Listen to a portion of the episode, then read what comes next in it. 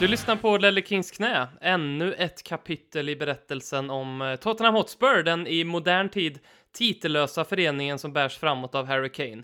Eh, Robin heter jag, med mig idag i det här eh, avsnittet har jag pedagogen som ryktat en och annan häst i sina dagar eh, och som i hemlighet planerar en ryggtatuering föreställande Dublins innerstad. Det är BM. Ja, ryggtatueringen, den, den skriver jag under på. Eh, ryktat en annan häst, ja, självklart. Eh, just att jag skulle vara en pedagog, däremot så är jag mig. Jag ser mig mer som en eh, livscoach. En livscoach som har ryktat en och annan häst i sina dagar. vad heter, ehm, eh, på spåret-fråga, vad heter det där området inne i centrala Dublin? Dit jag förstår att inte du går faktiskt, för jag känner ju det lite grann, men eh, där, där alla barer är. Ehm, Temple... precis, det heter Du kunde visst ta Temple Bar heter det va? Ja, men jag hade ju med två kompisar sist jag var där och de ville ju gå Temple. Det heter ju Temple. Det jag vet inte om det heter Temple Street, men det är ju i alla fall nära Temple Bar så är det en massa turistpubbar liksom där de tar. Kullerstensgator och bara Ja. pubbar. Ja. Och så tar de en miljard pesos för, för en Guinness som är mer avslagen än vad till och med en Guinness ska vara.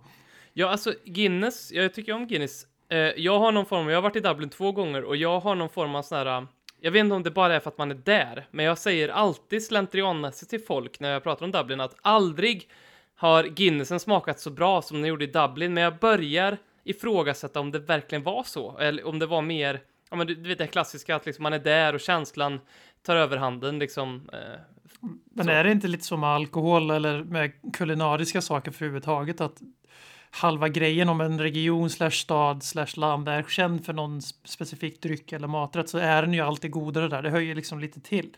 mm. Sen om det faktiskt är så, det finns säkert någon sån här torrvetenskaplig nisse som bara nej, den här enkätundersökningen från 2007 visar att det faktiskt var godare med öl i Munster eller Limerick. Mm. Man bara hmm, okej, intressant. Som falukorv i Göteborg. Ja, men det, men det är ju, det är ju bekräftat. Mm, det vet vi ju. Hur är din fotbollsabstinens? När Bundesliga gick ut och sa här förra veckan att fotbollen kommer tillbaks, football is not coming home. Så då var den ju stor i några dagar. Eh, nu, nej. man har vant sig, eller hur fan man ska uttrycka sig. Det är ju innerst inne fortfarande ganska skönt att Tottenhams miserabla säsong är slut som det ser ut i dagsläget, eller, ja, till, eller på is. Mm. Eh, sen när man, eftersom man inser att det kommer inte tillåtas att bli så, så tänker man då kan vi väl lika bra sitta och vara sura ett tag till. Jag, jag vänder tillbaks till dig och tänker så här. Hur mycket har din stressnivå sjunkit i livet utom Tottenham och hur mycket har du haft hur mycket färre aggressionsproblem har du haft när du inte behövt tänka att José Mourinho är tränare för ditt fotbollslag? Ja, men det har ju såklart haft en påverkan på min generella livskvalitet. Eh, för det har ju varit väldigt mycket ångest med eh, den här säsongen. Och sen är ju Tottenham, jag är ju en sån person som får lätt ångest i livet liksom. Det är ju min kompis så här, så att, eh, alltså bara det, att, det, att det ligger en match och hägrar som betyder någonting, då börjar liksom jag någonstans mitt i veckan där, usch, börjar liksom vrida på mig mer, sover sämre, säm, liksom sena delen av veckan oftast liksom sådär. Eh, och det är ju borta. Så att på det sättet så tror jag nog att jag, jag mår Ehm, men men det, det eh, jag, jag tänkte på det, för jag är ju som du mycket väl vet att jag, jag konsumerar ju i princip bara fotboll när Tottenham Hotspur spelar. Jag, jag eh, titt, det, det intresserar mig helt enkelt inte så mycket att, att se annan fotboll. Och sen så var jag ute och sprang här i Karlstad eh, och i helgen och sprang förbi Kropschers IP, min gamla hemmaarena där jag spelade för Norrstrands IF som är Karlstads Arsenal. Det här är ju jättekontroversiellt, man kan se det på många olika sätt. Ja, man kan se det som att jag gick igenom stålbadet. Och slutar allt ni alltid skärs- fyra eller vad? Skärselden, precis. Och så hävdade vi alltid eh, att eh, Kropschers IP var vår, liksom vårat område trots att vi hade flyttat från, eh, Jaha! dit. eh, från södra delarna av, av, av Karlstad.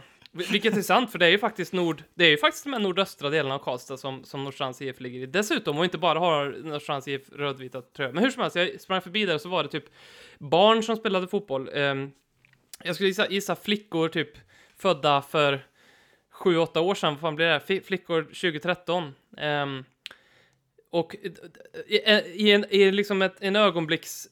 I ett, I ett ögonblick så kände jag, jag vill stanna och titta på det här, men det kan jag ju inte för det blir fruktansvärt creepy om, en, liksom en, en, en, en, om jag gör det. Um, för då måste man ju vara förälder eller inblandad eller storebror eller på något sätt sådär.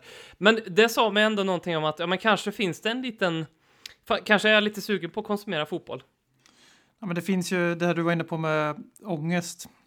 Och, så det är ju samtidigt som att visst, äh, ångest är ju, alltså du är inte, alltså jag har svårt, varning för hög häst, jag har svårt att först, alltså, se framför mig en Tottenham-supporter som inte är har ångest på något sätt eller handskas eller brottas med ångest på något sätt.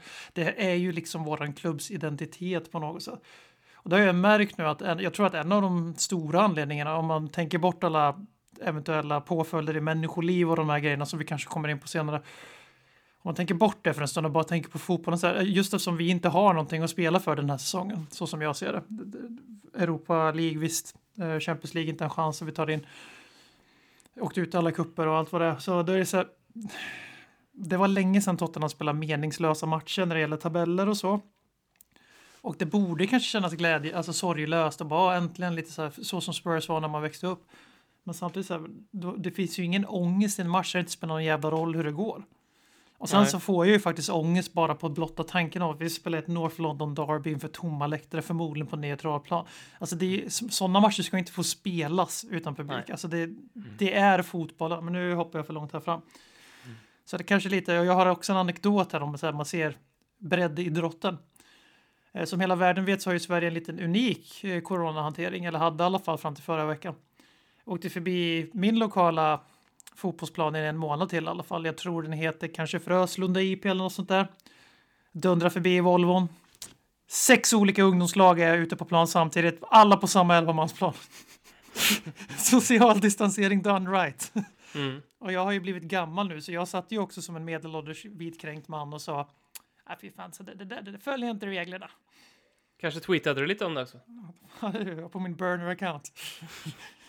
Men eh, eh, för att återkoppla till det du sa med, med ångesten, du har, du har väldigt rätt i att jag vet att någon gång när jag har träffat Spurs-supportrar som har en personlighet som inte går i linje med det här lite, eh, li, alltså vad ska man säga, lite ångestiga, lite, lite mörka, lite eh, sådär, som jag kanske säger, säg att jag träffar en en, en högt uppsatt chef som, som kör en stadsjeep och som har en, en fin inslyck, eh, liksom en, en liten framgångsmage och en, en, en, en polotröja runt halsen och är lite framgångsrik och en trevlig backslick och så här.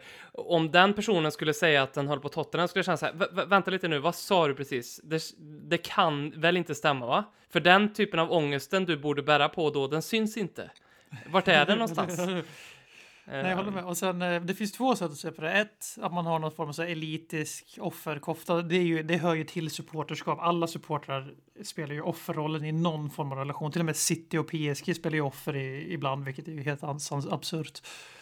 Eh, men sen är det ju också, man kan, jag brukar tänka på det ibland, liksom hur sjuk man är i sitt supporterskap och hur många personer man faktiskt känner. Ofta bär de en röd tröja av någon anledning. Jag vet inte om det har någonting med färgen att göra som, som egentligen har ett ganska hälsosamt supportliv. Eh, du talar alltså nu om Arsenal-fans och deras supportliv? Bara så att jag, vi som inte kanske, lika snabbt kanske, kanske lite högre upp i tabellen.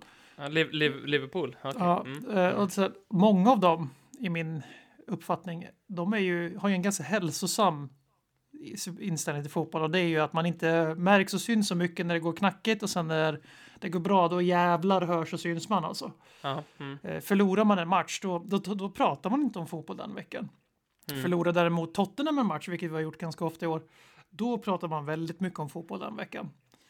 Eh, och det är ju egentligen så kanske supporterskap ska vara, framförallt i klubbar som inte är your local club. Mm. Men för mig är det ju, det funkar inte så.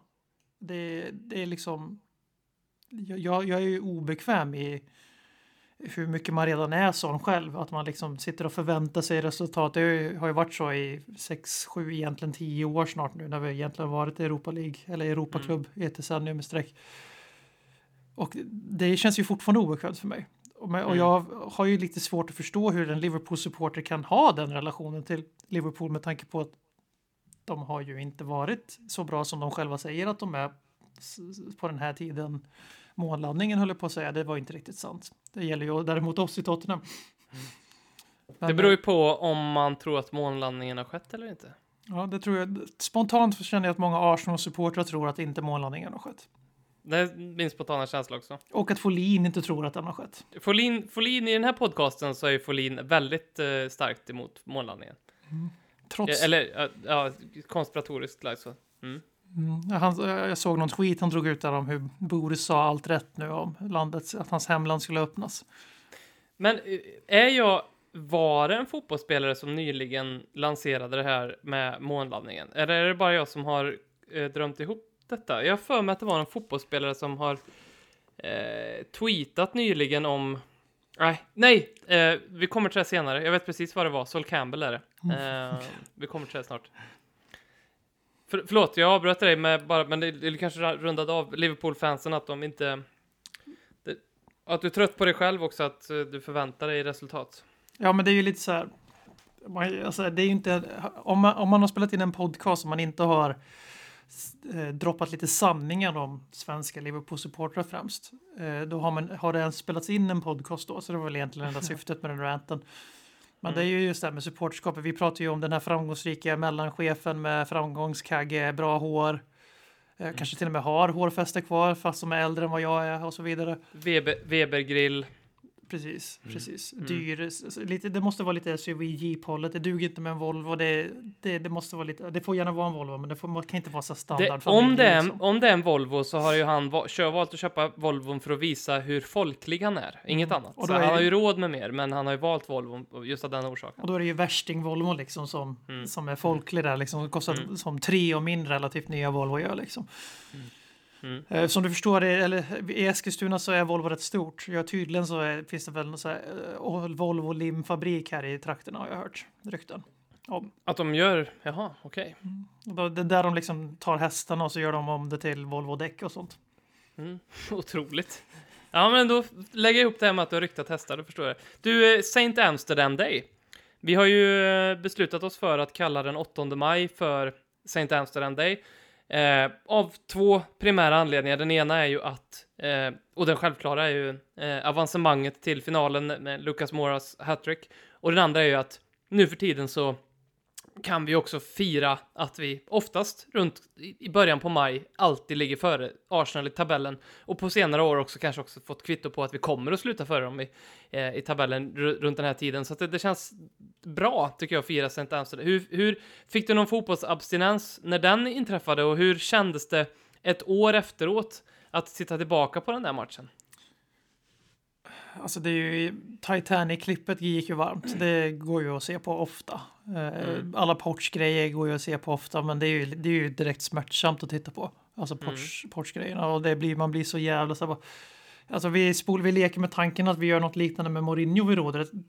om han skulle börja böla liksom på plan, det skulle man ju inte ta som äkta. Det skulle man ju direkt se som så regisserat skådespel. Men mm. med Porch var det ju 110 procent äkta. Mm. Eh, och det är ju den, den matchen och, den, och så City-matchen såklart, de två tillsammans, det är ju hur den låter. Vi brukar ju prata om att det är, Tottenham ska prata titlar egentligen, inte liksom, om vi kom fyra så får vi med i Champions League, men det går ju för fan inte att komma ifrån att, att gå till Champions League-final, det, det var jävligt stort. Mm. Uh, och uh, det, det, är väl också den enda dagen på året som jag liksom lätt kan förtränga att Lucas Mora förmodligen är en fascistkramare. Så att, eh, så att det, det, är ju fint på då, så sätt, liksom, man får minnas hur glad man var och hur, kanske framförallt hur jävla chockad man var att det var just Lucas fucking Moura av alla, alla spelare i laget som dunkade ett hattrick i Amsterdam 90 plus 6. Dra det... bort de tre målen från Lucas Moras uh, account så är han ju Clinton NG, George Nkodu, den tredje gubben där. Alltså han, är, han gör ju lite mer mål än dem, men han får också spela Absolut. jävligt mycket mer än vad dem. Så att det är ju inte mm. en jätte, alltså det är ju en liknelse som går varm i Parrots bågar och även på Twitter. Och det finns ju någonting där, alltså det är ju det är lite som Lewis Holtby som blev liksom ikon på något sätt. Säger väl en del om laget under, lagen under hans år. För att han tacklade Howard Webb och var en skön grabb liksom. Mm. Vilket är årsdagen för idag? Årsdagen för idag. Den, den, ja, den, Aha, jaha, den, ja, nu, ja, den, den tacklingen på, på, Howard Webb eh, gjordes idag för eh, x antal år sedan. Så det är Holtby, Holtby Clattering Day idag alltså? Precis. Mm. Nej, men, men det... hur, hur konsumerade du det här? Konsumerade du med distans eller med, med värme eller eh, ångest? Nostalgi redan. Nostalgi? Alltså, ja. Mer värme än mm. ångest. Alltså det är ju svårt att ha ångest över att över att man att har varit med om de där två matcherna. Det är det som är supporterskap. Det är det man är Mm. livrädd för att man ska tappa. Alltså den hundraprocentiga euforin över att gå till, eller framförallt att vinna matchen på det sättet. Eh, och där har vi ju en till parallell med Liverpool-supporterna som har vant sig väldigt snabbt med framgång, även om de liksom räknar med sina låtsas försäsongstitlar. Typ Uefa Super Cup eller vad den heter. Mm. Eh, Kom tillbaka när ni har vunnit Audi Cup. Ja, precis. Och så Fifa World Cup liksom som alla lag. Oh, vilken stor grej. Men eh, det är ju enda sättet att fylla på Klopps troféskåp, även om han kan tycka att en Champions League-trofé borde räcka liksom. Men ja, ja. Eh, och då tänker man så här, de kände nog samma sak som vi faktiskt när de vände mot Barcelona. Men det var ju Mm. bara för att vändningen var ännu sjukare, det får man ju lov att ge dem. Även om det var över två möten och vi gjorde våran i samma match. Eh, så Barcelona hade ett annat wow kring sig. Men liksom hur man snabbt kan tänka sig hur det är så business as usual. Ja. Och liksom det är ju det man är livrädd för som Tottenham-supporter. Kanske inte lika rädd längre, men Ja, men det har du väldigt rätt i för att alltså om vi ska vara väldigt ehm, objektiva här så den vändningen de gör mot ett Barcelona som är så mycket bättre, som har mycket mer rutin och allt det där, eh, är ju på pappret eh, mer imponerande än vad Tottenham gjorde. Ja. Men eh, ur mm, supporterreaktionerna är det så, of, liksom så otroligt skilda. Ehm, för, för Liverpool är det en bra match de gjorde eftersom att de förväntar sig att göra bra matcher, men för oss är det liksom det är ett Den mirakel. dagen- alltså, det, är, det är ett det är ett mirakel. mirakel, alltså ett Mm. riktigt mirakel. Det är deras match också, men Mm. det är upplevelsen av det. Eh, och det är väl rädslan man har, att man själv ska sitta där om några år och bara åh, slog ut, uh, slog ut uh, Sheffield i fa Cup-semi. Pff, ja, Mm. Vilka får vi i final? Är det värt att spela starkaste laget? Det, det känns ju dock inte lika troligt längre så att man, bör, man behöver inte oroa sig så mycket om det. Men eh, just om eh, Saint äh, är? Sankt Amsterdam, Amsterdam heter det? Inte Amsterdam som jag vill säga hela tiden. Det är kanske är Tottenham-amalgation. Det är ju en sjuk dag och jag säger som Erik Niva kan ha sagt. Jag vet inte om han var först. Jag tror fan mig Ledley Kings knä var först på den bollen för en gångs skull när det gäller Tottenham och Erik Niva. Det är ju inte så att vi alltid är först och han sen bara snor våra grejer på Twitter. Eh, han startade ju faktiskt en podcast med ordet Kings i sig efter oss. Eh, Precis. Så det har vi ju, det var vi ju först med. Mm. Också bra, också bra så här image-pengar vi får in på det. Tack, Ja. Stim-pengarna. Tack, Tack. Neo. Ja. Nej, men just att det här är förmodligen piken. Och det kände man ju redan lite då att det här var ju sista dansen med gänget. Det var redan ganska mycket snack om eh, Trippier som kanske inte var den största grabben, men framförallt Eriksen var det ju redan snack om. Man visste att det skulle följa snack om Kane och det har ju börjat ordentligt den här säsongen. Och sen försvann Poch, det hade man kanske inte räknat med. Och, och nu är det ju inte samma Tottenham, vi är mycket sämre, vi har en mycket sämre tränare. Eh, och all annan skit som har hänt. Och så liksom, det här är ju någonting som när man sitter där, eller när man ligger där på sin dödsbädd. Förhoppningsvis om ganska många år. Så kommer det förmodligen vara toppen liksom. Det, det är där man är just nu. Och därför blir ju minnet ännu mer värdefullt. Mm. Ja, det känns ju fruktansvärt avlägset eh, just nu, om inte annat. Mm. Eh, jag kollade på, vi la ut en tråd som ehm, jag hoppas alla har sett eh, med de bästa klippen från den dagen. Inte bara målen och re- de reaktionerna utan också en, en klar majoritet av den tråden är ju alla supporterreaktioner. Och när jag tittade på det här, tror det dig, så eh, brukar inte eh, drabba mig sånt så mycket, men, men då fick jag faktiskt, jag grät inte, men det var inte så långt borta och då var det inte för att jag, för att, för liksom det var mer deras reaktioner och en äkta... Jag, jag, jag kände mig rörd. Jag kände mig... ehm, Alltså darrig liksom, inte, så, tårar, inte tårar men man skulle tårar, kunna börja grena om man... kändes lite i halsen liksom, du vet som det kan göra. Den där lilla första sticket när man känner att nu kommer jag börja gråta. Det lilla, lilla första sticket i halsen. Det fick jag. Eh, vä- väldigt litet och sen så försvann det för att det, det var så. Men eh, För att det var ja, på Twitter. Och det var Mm. medel, medellundfeta vita män mest exakt. Sen så fick jag se deras och... alla män som i den tråden som firar målet tar av sig tröjan. Jag tror också att jag gjorde det faktiskt här hemma, men eh, ja. Men det, fotbollsspelare brukar ju säga det när, när de springer sen, när de verkligen firar ett mål på riktigt, när det inte är någon så jävla spex. Mm. Eh, typ Messi brukar inte fira sina mål, men han gör ju det på Camp Nou, eller på Bernabé någon gång. Han stänker dit mot Real, han springer fram till dem och liksom tar av sin tröja och visar sitt namn för dem. Det, Mm. det är ju lite, både regisserat men också Och sen har vi de här, du vet, när man springer rakt ut och bara viftar tröjan över sig som en jävla barbar från antiken. Agüero QPR-målet, Ja. så när de vinner ligan typ. Ja. Ja, och så, men jag förstod, man förstod det på ett annat sätt och faktiskt, Mm. bra koppling. Eh, bara följdfråga där på det här med tårar och manlighet som du var inne på lite där. Slog det för bröstet. Grät du när ditt barn föddes? Nej, jag gjorde faktiskt inte Jag grät väldigt mycket efteråt, men inte just där och då. det hade ju varit något som står, Eh. det står uh, Nej, men det är många som gör och det jag förstår jag. Krysta, du bara jag har inte så, alltså jag, det... Jag, det är inte så främmande. säga att du gråter för Lukas men inte för ditt, för ditt eh, könsanonyma barn. Ja, men jag, jag, jag gråt, ja men om vi säger så här, jag grät när Lukas Mora målet då, nej grät jag, eh, 3-2 mål, men jag grät inte direkt när Signe kom, jag, jag grät väldigt mycket senare, nej, men, men då var vi, det var ju för att det var en annan typ Ja, av du, chock. fa- du och, kanske fattade det då liksom. Ja men det var, det var, jag ska säga, det var inte lika osannolikt att hon kom som att Lukas Mora gjorde 3-2 mål. det var, vilken jävla grej det hade varit Robin om det var så osannolikt för det.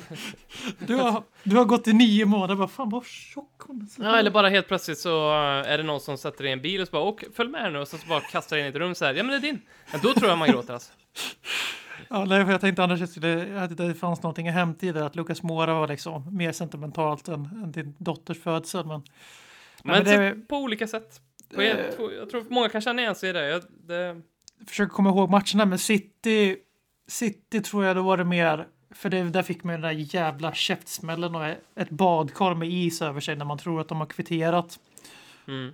Eh, Och sen är det ju ren, ren skär euf- eufori liksom där man fattar att det är bortdömt korrekt förvar. Och det var ju tur för Christian Eriksen för övrigt.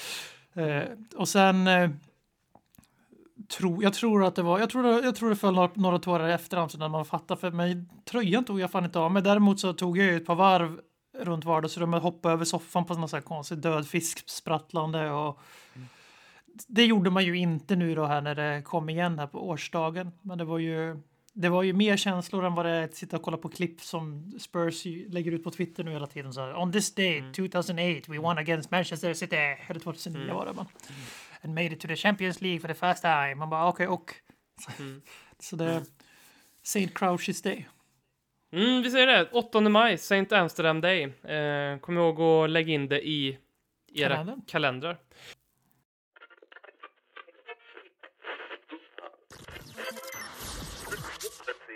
Du lyssnar på Ledley Kings knä.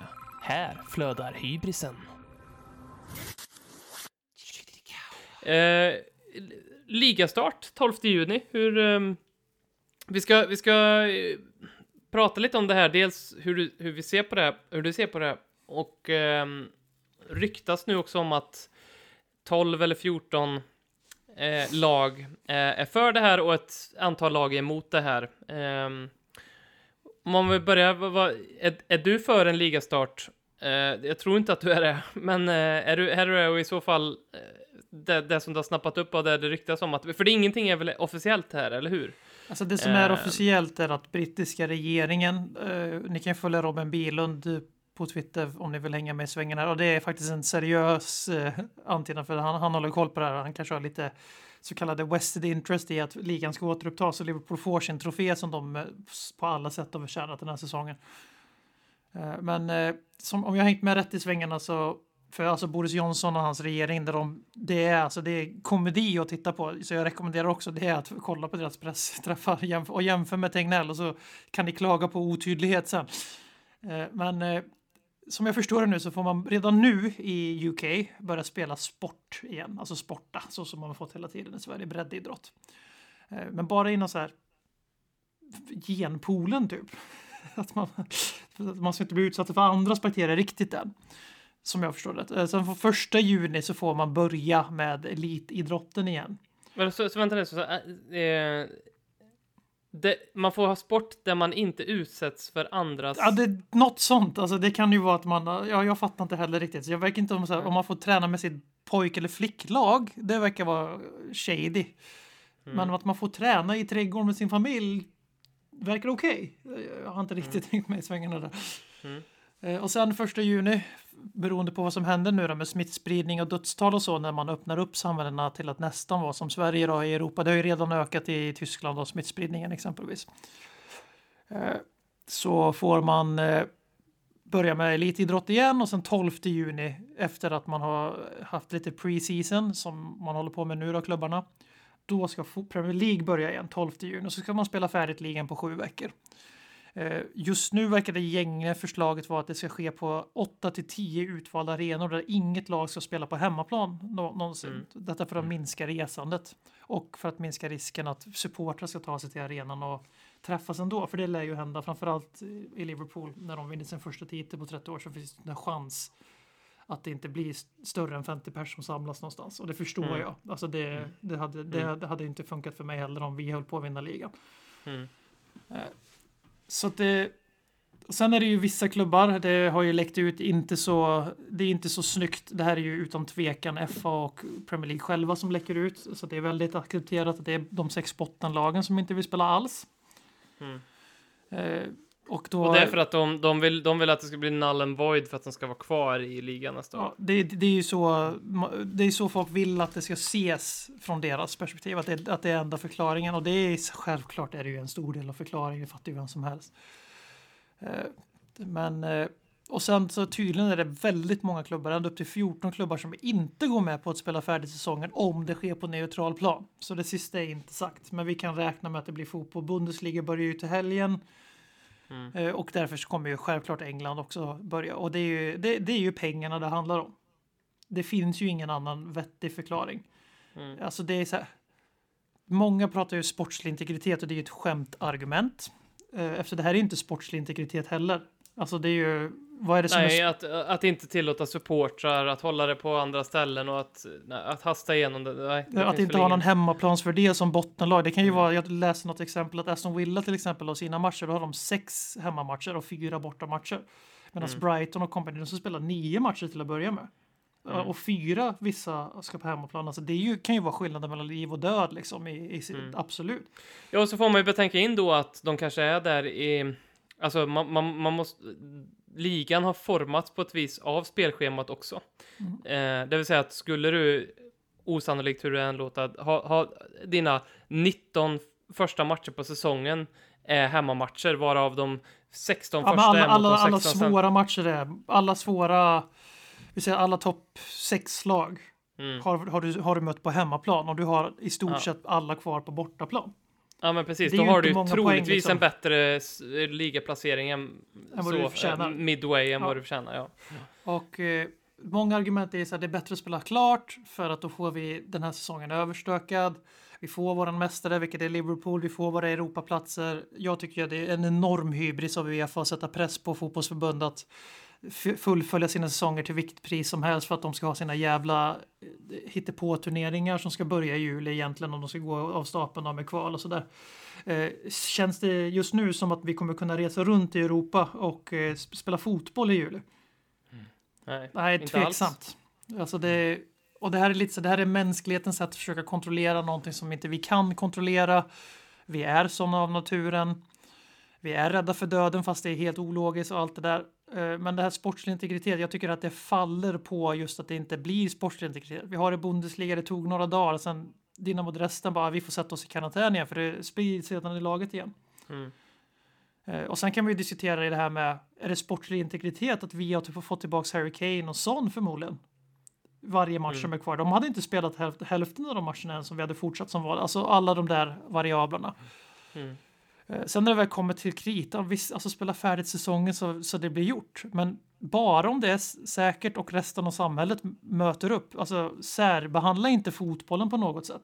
Mm. Så att den ja, men... går att genomföra medan andra mycket viktigare samhällstjänster inte går att genomföra. Då är det ju, då är det ju fel. Men fine, spela färdigt säsongen. Alltså det, det mm. börjar ju tyvärr luta åt att eh, diskussionen om att vi kan inte låta den här säsongen vänta hur länge som helst för att då kan inte nästa säsong börja.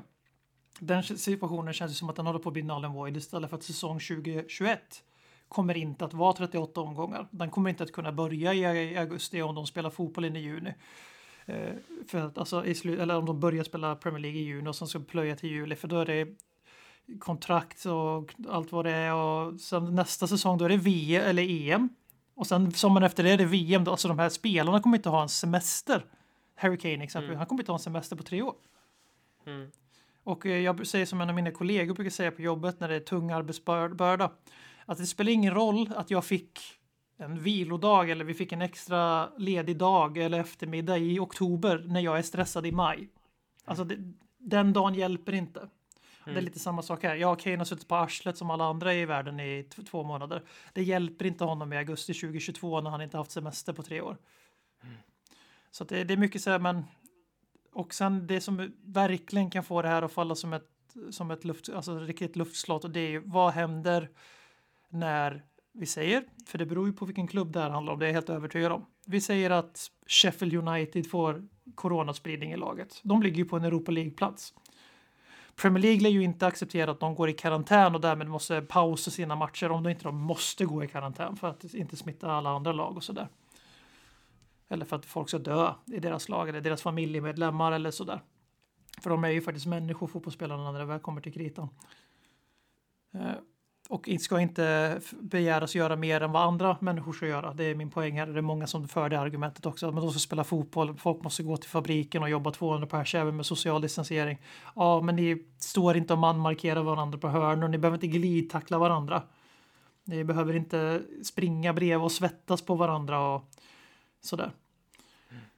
Det kanske man gör ändå på sitt jobb, men då är det för att man tycker det är kul, liksom för att det är nice. Så att, eh, då får man göra det. Eh, men det är just det, vad händer när vi har ett lag som hamnar i oundvikligen i den här situationen? De kan inte spela eller så kan de bara spela med ett försvagat lag. Mm. Ja, men det är väl den stora frågan, alltså varför är det så viktigt att bestämma nu hur det här ska bli? Var, varför kan vi inte bara vänta lite? Det finns 762 alltså, miljoner pund anledningar. Ja, precis. Det är ju det som är, eh, visst, det är kanske en retorisk fråga, men det är väl den man, eh, ja, man är sla slav till. Men det är ju i sådana här lägen man, man, vi har pratat så mycket om den moderna fotbollen, att det är pengarna som styr, men någon form av för förhoppning i det där hade man ändå, att jo men det finns ju de här uh, Harry Kane och Steven Gerrard och de här personerna som spelar i en klubb för att, med lojalitet och allt det där, men det, när det, som du säger, när det kommer till kritan så är det snart 800 miljoner pund eh, värt av anledningar till att starta upp ligan igen.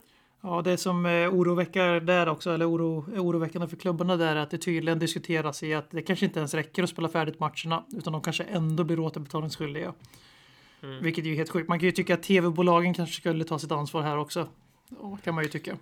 Kan vi spekulera lite grann i eh, eh, vad vi tror Livi och Tottenham vill? Vill, alltså jag har, jag tänkt på det här innan podden. Eh, Men för, för vi gör det, på, drog jag en lång rant här. Jag kan ja. redan läsa Apex Triplets hatiska tweet om hur mycket jag pratar i den här podden. Mm. Vi försökte Bring få in en tredje person Apex som kunde balansera eftersom Robin är programledare, men tyvärr de vill inte vara med. Eh, men du själv? Apex har, Apex har också fått frågan om att vara med i den här podden, men han har, han har inte svarat på den. Så att här kom den frågan igen. Vad jag tycker? Nej, men jag kan summera det ganska kort. Jag, jag tycker inte att det, varför ska vi besluta nu i eh, maj när läget ser ut som det gör om vi ska spela klart en jävla fotbollsliga? Kan vi inte bara vänta? Då kommer liksom första, jo men hur ska vi göra med säsongen efter det? Skit i det, ta det sen, lös det problemet sen. Det blir en dominoeffekt av lösningarna.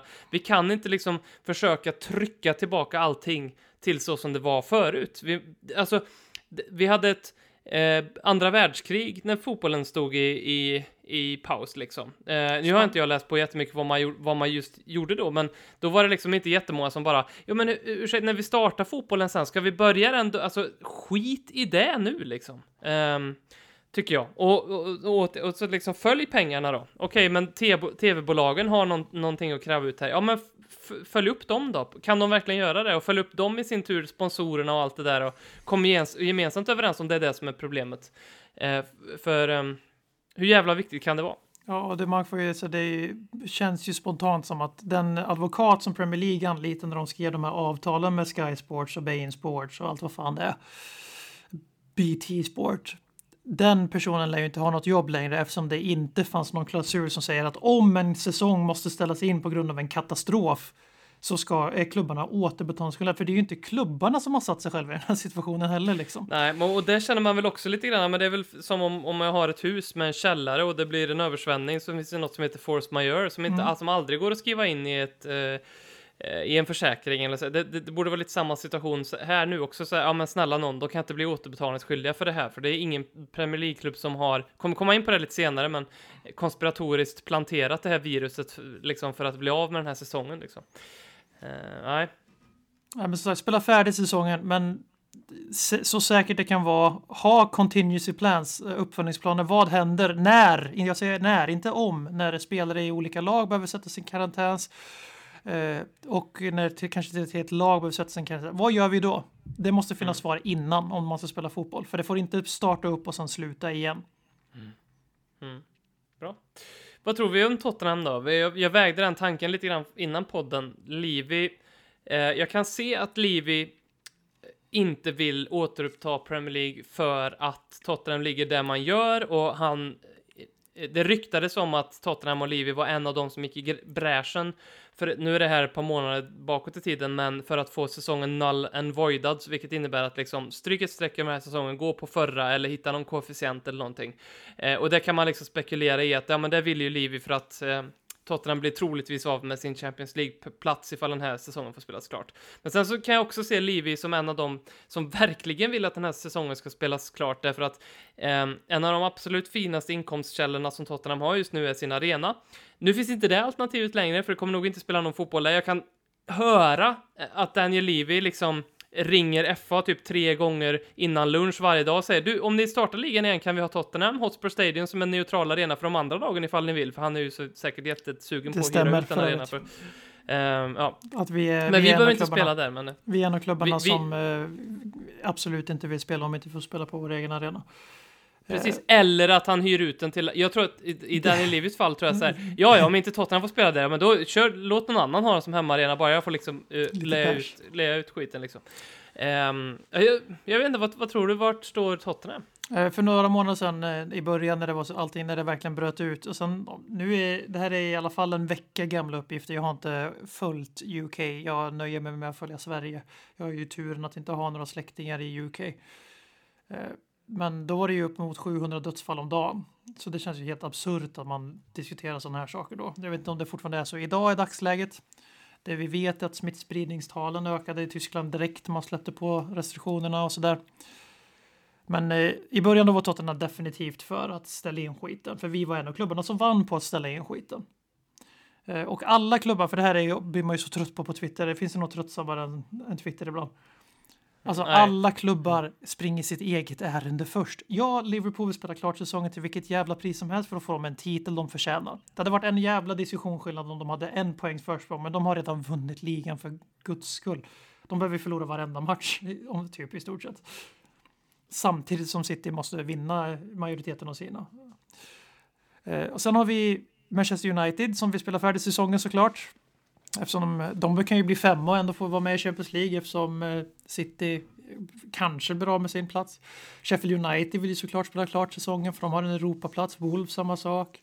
Bottenlag vill ju självklart inte spela klart säsongen för de vill inte åka ut. Och blir det här förslaget med att man får göra fem byten då är det ju en nackdel för dem för deras trupper är inte lika breda som topplagen så då får ju topplagen en extra, förutom Tottenham, får ju en extra fördel av någon oförklarad anledning. Eh, för man, det, det, är också så här, ska inte hoppa tillbaka på de bollen, jag lovar, men här, man, man, behöver ha fem byten och en jävla massa artificiella regler för att spela fotboll utan publik. Mm. Fotboll utan publik är döden. Sport mm. utan publik är döden.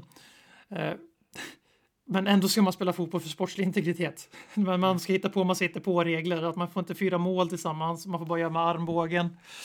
Eh, och man får inte spotta, man får inte man måste ha mask på bänken och man får göra fem biten för spelarna kommer vara otränade. Men det är ju bara, det är bara låtsasgrejer för att, för, för att kunna komma igång, igång med. Ja. ja, det är ju liksom, det är ju typ Ja, men det är så tröttsamt för det är typ, det är typ liksom ett när regeringen säger till FR, okej, okay, men, men, men presentera hur ni tänker göra då, så, så är det då, då, då sitter ju några snubbar och gör en powerpoint och bara kommer på en jävla massa saker som inte är genomtänkta alls och som bara är ett korthus för, som du säger, även om man har det här i, i, i, i eh, åtagande, alla de här reglerna, och följer dem jätteväl, så, är det, så gör ju inte det att någon spelare inte kan få den här smittan, för, för de, det är inte så att de inte träffar några andra personer än, än bara de de tränar med, eller, eller maten och käkar, eller vad fan som helst liksom. Så, Nej, och sen har ju eh. faktiskt spelarna, precis som resten av världen, haft begränsad tillgång till tester. Och Mm. därför när de blir testade nu, för det är också en sak, nu verkar det, det de gör ju en väldig poäng av alla ligor nu att poängtera att de här testen de köper in tusentals av är inte etiskt fel för att man ser till att sjukvården har sitt först. Mm. Sen kan man ju diskutera om det är etiskt fel att fotbollsspelare får testa sig, elitidrottare som har tillgång till världsklass läke- läkevård vid behov. Att de testas före någon som är, håller på att permitteras eller någon som lever på bidrag eller någon som behöver jobba två jobb för att familjen ska kunna äta. De har, får inte testas så att de kan gå eventuellt tillbaka till jobbet. Men Dele Alli, Harry Kane, de testas två gånger om dagen. Eh, men det är, det är andra diskussioner såklart. Men vi har ju redan sett det i Italien, bara regnar in nya coronafall på spelarna. Vi har i Tyskland, vi har i Brighton, har jag vill jag minnas, och då konspirationsteori och alla bottenlag har corona. Hmm. Och det här är på riktigt vissa supporter skaror som föder som konspirationsteori att bottenlag fejkar corona för att slippa spela fotboll. Mm. Eh, vi har pratat en del om, om dem idag. Eh, och eh, Tottenham är precis som alla andra klubbar. Ja, vi ville ställa in säsongen för att gynna oss. Sen gick ju EFU ut och sa nej, nej, nej, nej, nej. Säsongen, det ska baseras på årets säsong. Hur ni löser det skiter vi i, men det ska baseras på årets säsong. Vi ska börja vår europeiska, fo- europeiska fotboll i juli. Eh, de måste ju spela färdigt årets turneringar först och det blir ju spännande hur de löser det utan PSG exempelvis och sådana klubbar då som har ställt in sin säsong men ändå är med i Champions League och sådär. Men eh, det är ju bara för pengarna och det enda jag vill höra är att de här sportslig integritet-kramarna erkänner att det handlar bara om att deras lag kan vinna titlar eller att klubbarna erkänner att det handlar om pengar. Så, och Mm. Tottenham självklart lika, lika illa som alla andra. Vi ville säkerligen ställa in när det gynnar oss och nu vill vi spela för vi har åtminstone en teoretisk chans att åstadkomma Champions League då. Mm. För det är pengar i Champions League. Du nämnde en grej där, eh, konspirationsteori, vilket jag tycker blir en bra brygga över till eh, vad vi ska prata om nu. Um, nämligen att um, den store tänkaren och um, mannen med det stora intellektet, Sol Campbell, nyligen uh, slängde ur sig att uh, coronaviruset troligtvis är människans skapelse. Och att det är någonting som man har spridit för att eh, jag, jag orkar inte läsa allting, men han menar på, på att det här är en, han har konspirationsteori, han har valt och tolka det här eh, konspiratoriskt, det vill säga att eh, ja, men det finns nog ingen naturlig förklaring, utan det här är, är spritt för att skapa lite drama här i världen. Och då eh, tänker jag lite grann, frågan här som vi, vad, vad, vad, vad, vad blir hans nästa eh, grej? Eh, och, och, och innan vi pratar om det så tänkte jag att vi kan backa bandet lite bara för att förstå den här mannen. Eh, hur fullkomligt från vettet han faktiskt är. Eh, för det, det finns säkert saker innan eh, den där tidiga millennieflytten till eh, Arsenal eh, som vi kan prata om. Han har säkert gjort saker i sitt tidigare liv så, eh, eh, som varit vansinniga, men som inte riktigt finns eh, att rota fram i arkiven. Men först och främst den flytten, gå från Tottenham till Arsenal på free transfer, sättet han gjorde det på. Eh, vet ju alla och är ju en stor anledning till att hata honom, men samtidigt hade han sen valt att göra och säga och vara på ett annat sätt i sitt kommande sportsliga liv och liv efter fotbollen så kanske man hade sett på honom på ett, på ett litet annat sätt i alla fall, lite mer förmildrande. Han kanske till och med hade kunnat varit en skön snubbe om han hade gjort vissa saker rätt, men nej, Sol Campbell fortsatte ju eh, och har fortsatt gång på gång att bevisa att han är fullkomligt från vettet. Eh, Bland annat så, jag vet inte exakt kronologisk ordning vilka eh, av de här sakerna som kommer rätt, men eh, han vill ju väldigt tidigt satsa på att bli fotbollstränare. Vilket sådär. inte är konstigt. Det, det är inte så konstigt och det går fortfarande sådär. Han, är, det, han har mardrömssiffror eh, eh, som tränare har fått sparken. Gång på gång kommer få sparken när som helst igen från, från Southend. Eh, Jaha, som- han, som- han är aktiv manager nu. Ja, ja, visst. Han har varit i... eh, Han har, han har tagit några pauser och det kommer vi in på snart. Men han har Kan tränat inte vara och tagit pauser. så, för att koppla till hans konspirationsteori, kan det inte vara så att han själv har spridit viruset då? Eftersom att han får sparken om säsongen får Mycket möjligt för att, för att Southend som han ehm, tränar just nu ligger 16 poäng i, från säkerhet i, i sin eh, liga. Så det kan mycket väl vara Sol Campbell som har gjort det. Men, men när han lanserade att jag ska bli fotbollstränare eh, så hade han svårt att bli det. Eh, det var, eller svårt att bli det, han fick ju väl inte jobb. Mycket möjligt så att han fick jobb, men han själv tyckte att de jobben inte var tillräckligt bra. Ehm, och i en intervju när han klagade sig över det här så kunde han inte förstå det eftersom att han själv, och det här är vad han själv sa då, I am one of the greatest minds in football, sa han. Mhm, Ehm, mhm. vilket känns lite Trump, Trump eh, trampigt kanske, eh, sådär. Ehm, och eh, någonting han gjorde då var ju att han tog upp, vilket faktiskt är någonting bra Sol Campbell har gjort, eh, men det lyckades han bajsa på också. Han tog upp det här att ja, men jag är mörkhyad och för oss är det svårare att få jobb i engelsk fotboll idag än andra. Och det kan mycket väl vara så. Och i så fall är ju det fruktansvärt fel och behöver förändras. Så han engagerade sig i det. Ehm, och, eh, men det visade sig ganska snabbt att det inte riktigt var Sol Campbells agenda, utan det var ju bara att han ville ha ett jobb som var det viktiga. Därför att han hamnade på en konferens tillsammans med FA på det här temat. Tillsammans med den här ganska stora organisationen eh, Let's Kick Racism Out of Football. Alla ni som spelar FM kan ju den loggan på sina eh, tio fingrar. Den ser man ju varje gång man laddar upp det där jävla spelet.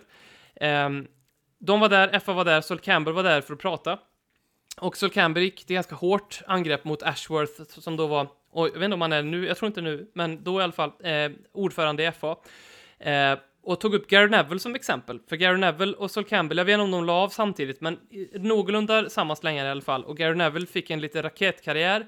Han fick ett litet program av FA för att snabbt eh, komma in i coachningen och han blev ju också ganska fort högerhand till Roy Hodgson i det engelska landslaget och det tog Sol Campbell upp som ett exempel varför blev inte det, varför hände inte det mig? Och då gick ju Ashworth ut och förklarade att eh, Gary Neville, eh, alltså du fick den chansen också, men Gary Neville tog den och, och bla bla bla och då hushade Sol Campbell eh, Ashworth och räckte upp handen och så sa han bara, och så sa han det här och det här är alltså sant, det här finns på inspelning. Då sa han, men jag är ju Sol Campbell. Och då eh, tappade Ashworth fattningen lite grann och vi, vi, visste inte hur han skulle rädda upp situationen, fortsatte pro och då hyschade han honom igen och sträckte upp handen och sa Hallå, jag är Sol Campbell. Vilket är det andra exemplet på att den här mannen inte riktigt, eh, vad ska vi säga, hans ego ställer till Ja, det är ju värre än Zlatans. Alltså, Ja, det här egot är mycket värre än Zlatan skulle jag vilja säga. Eh, vi har exemplet när han eh, i, eh, tror det var, det var inte Sky Sports, det kan vara Sky Sports i och för sig, men han var i en panel, fick den här klassiska frågan som alla försvarare får. Eh, vilken är den tuffaste motståndaren du någonsin mött? Och Sol Campbells svar är Ingen. Ingen. Jag, ja, jag, jag tycker inte att jag har mött någon som är särskilt bra, för jag har, har vunnit i princip alla detaljer. Eller detaljer, dueller. Ehm, och okej om man säger en sån sak med eh, tungan rätt i mun, eller med lite så här, man lite kaxigt. Precis, men det var det inte på tal om här, utan det var ett rakt och ärligt svar att det tycker inte han att, nej. R- roligt nog också, PP fick ju den frågan om, i den här säsongen om du kommer ihåg det, men eh, av Gwen Dosi i något så här eh, blajigt social medieprogram eh, som Arsenal gjorde och PP svarade samma. Eh, vilken är den bästa försvararen? Jag vet inte, ingen sa, sa ju PP. Men då var det nog för att PP inte riktigt eh, förstod frågan. Det han, sa, Nej, han förstod inte frågan. Så. Vilken Lite försvarare kan du komma förbi? Ingen. Det var vad han trodde Gwen Desi sa. Exakt. Sen har vi det här med att eh, Sol Campbell lanserade sin politiska karriär som gick åt pipan. Eh, han ville bli borgmästare i London. Det är absolut, mönster här. ja, det, det är inget fel med att bli och vilja bli borgmästare i London. Det tycker jag att det är fint med politiken på så sätt att vem som helst ska kunna bli det. Nu kommer ju Sol Campbell kanske lite från en privilegierad bakgrund med de pengarna han har på kontot och, och så. Eh, och den gick ju fullständigt åt pipan. Det finns mycket att hämta här med han hade ju en väldigt konservativ Så, så, jag, politik. precis- jag tänkte precis säga Sol Campbell var ju 100% konservativ. superkonservativ eh, politik. Eh, bland annat i ett eh, eh, utfrågningsprogram så får han massa detaljfrågor och nästan lite Sverigedemokratiskt får man ändå säga här. Eh, försöker han att liksom l- lägga fram en teori eh, om hur, hur han ska lösa allting och när han får en följdfråga om okej, men hur och hur ska finansieringen till? Ja, det vet jag inte just nu. Det kan inte du svara, det kan inte jag svara på, men mina gubbar kan svara på på det och så visar det sig att han hade ju inga gubbar, men han åt många gånger sa han ju ja, men det håller mitt team på att jobba med, fast det fanns inget team. Ehm, det som var hans Han var ändå slagord lite före sin tid då, för det här med populistiska kändisar som får väldigt mycket politisk makt, det är ändå ganska inne nu i världen. Han är innovativ, Sol Så han Campbell. var Han ändå är, lite pionjär här. Han, eh, eh, och, och, och det sista exemplet i den här långa harangen om eh, varför Sol Campbell är fullkomligt från vettet är ju att i den här politiska karriären när han ville bli borgmästare i London så lanserade han sig själv väldigt hårt med att I'm a man of the people, mm. eh, det vill säga han är man av folket. Eh, då fick han då frågan om han ägde tunnelbanekort, vilket han inte gjorde. Eh, vilket kanske en man av folket borde göra. Och han fick också frågan om han kunde eh, svara på, jag tror det var typ en av de, kanske Piccadilly, no, någon av de här absolut största och mest kända tunnelbanelinjerna, vilken färg den hade och vilka stationer som låg på den kartan hade han absolut ingen aning om. Mannen av folket, Sol Campbell. Vad är hans nästa konspirationsteori? Du, du la ju fram den lite grann förut här. Kan det vara månlandningen? Kan han ta upp den? Alltså det beror ju på vad hans åsikt om USA är. Alltså tycker han om dem, då är det jag tror att han är, Jag tror att han är väldigt pro-Trump. Ja, då... Alltså nu bara politiskt här nu så... Men sen så... För då är det så, då väljer han ju att tro att det har skett för det gynnar den politiska agendan då ur det perspektivet att om USA har låtsats så att det här har hänt så är det ju inget bra för dem om det skulle mm. uppdagas. Eh, annars så tror jag att han är en sån här som skulle kunna säga, tro att Illuminati finns eller att det finns, mm. att det finns någon form av så ny, ny, New World Order som styr och drar i trådarna bakom stängda dörrar. Mm. Eh, och eh, jag tror också att han, eh, att han eh, ifrågasätter liksom huruvida jorden verkligen är rund och om det verkligen är möjligt att, att eh, så Campbell inte systematiskt motarbetas på, på grund av hans enorma enorma till, alltså vad ska man säga, alltså folk har liksom hyser någon form av frakt mot honom enbart för att han är så fantastisk och storsint som människa. Mm. Och det kan man ju kan man ju säkerligen knyta in till någon form av så här, teori om att någon, något, så, något som har hänt i världshistorien, jag kommer inte på något konkret exempel men någonting så stort som har hänt som någon annan har gjort, någon sån uppfinning som har verkligen hjälpt, hjälpt världen, typ vaccin för corona 19 eller covid-19, den personen, det kommer inte han att tro. Han kommer ju säga åt sina barn om man har några att inte ta den sprutan. Han mm. kommer ju stå på, han kommer väl be någon att köra honom till Piccadilly eller dylikt och så kommer han stå där och säga liksom att ta inte den där sprutan. Det är the government som försöker, försöker göra era barn sjuka och sådär. Just det, han kanske blir en 5G Ja! Han, han kanske blir en sån som åker runt och, och krossar 5G-master. Ja, för att det är 5G-masterna som sprider corona. Just det. Mm. Just det. Där har vi det. Den är bra. Vi, vi kan väl i alla fall säga en sak om Sol Campbell. Det är ju att skulle han bli, skulle han ha blivit borgmästare för London, då kan ju alla räkna ut vad som skulle hända ett par år senare. Det är att han skulle gå på free transfer till Paris. På free transfer till Paris. Precis. Eller sälja ut London när Paris ringer och säger du vill ha, vi vill ha det här nu. Men är inte det här ganska skönt? Alltså, om man ska vara helt ärlig på ett väldigt mänskligt, väldigt basalt eh, plan. Är inte det ganska skönt att Sol Campbell är så här jävla dum i huvudet? Därför att det hade varit lite problem om han hade varit en, en stor gubbe. filantrop och, och liksom... Ehm, men alltså, han har säkert skänkt pengar till välgörenhet, men... Det men, bara var sportsligt ja. som gjorde att han gick till Arsenal och han våndades, ungefär som när Kane oundvikligen går förhoppningsvis utomlands. Mm. Eh, förmodligen sommar 2021 då, eh, beroende på vad som händer med corona. Att, eh, att man kommer ändå säga vad fan, som jag har börjat bli med Bale nu på senare tid, som han inte har kommit tillbaka i Premier League och om man gör det så kommer man inte vara samma spelare så då kan man ändå säga liksom, det känns ändå rimligt att Tottenham kan ha fått erbjudande och sagt nej till honom till och med. Mm. Att man börjar liksom säga fan, jag förstår honom lite grann nu. Mm. Eh, men det behöver man inte oroa sig med Sol Campbell, att det är att han satt och våndades över det här beslutet och att han verkligen inte ville, och han kände att det var hans enda utväg, utan han gjorde det här för sitt ego och han, han jag tror fan han gick igång lite på idén att göra den här förbjudna transferflytten och då framförallt som bossman som för att verkligen pissa på den klubben som gjorde honom. Mm. Och det jag håller med, det, det, det, det är skönt att bli lugnad och befäst i sitt ogillande av den här människan man aldrig har träffat och hoppas att man aldrig träffar. Det snöade för övrigt i Eskilstuna. Ja, det gjorde det här förut också. Spännande. Mm.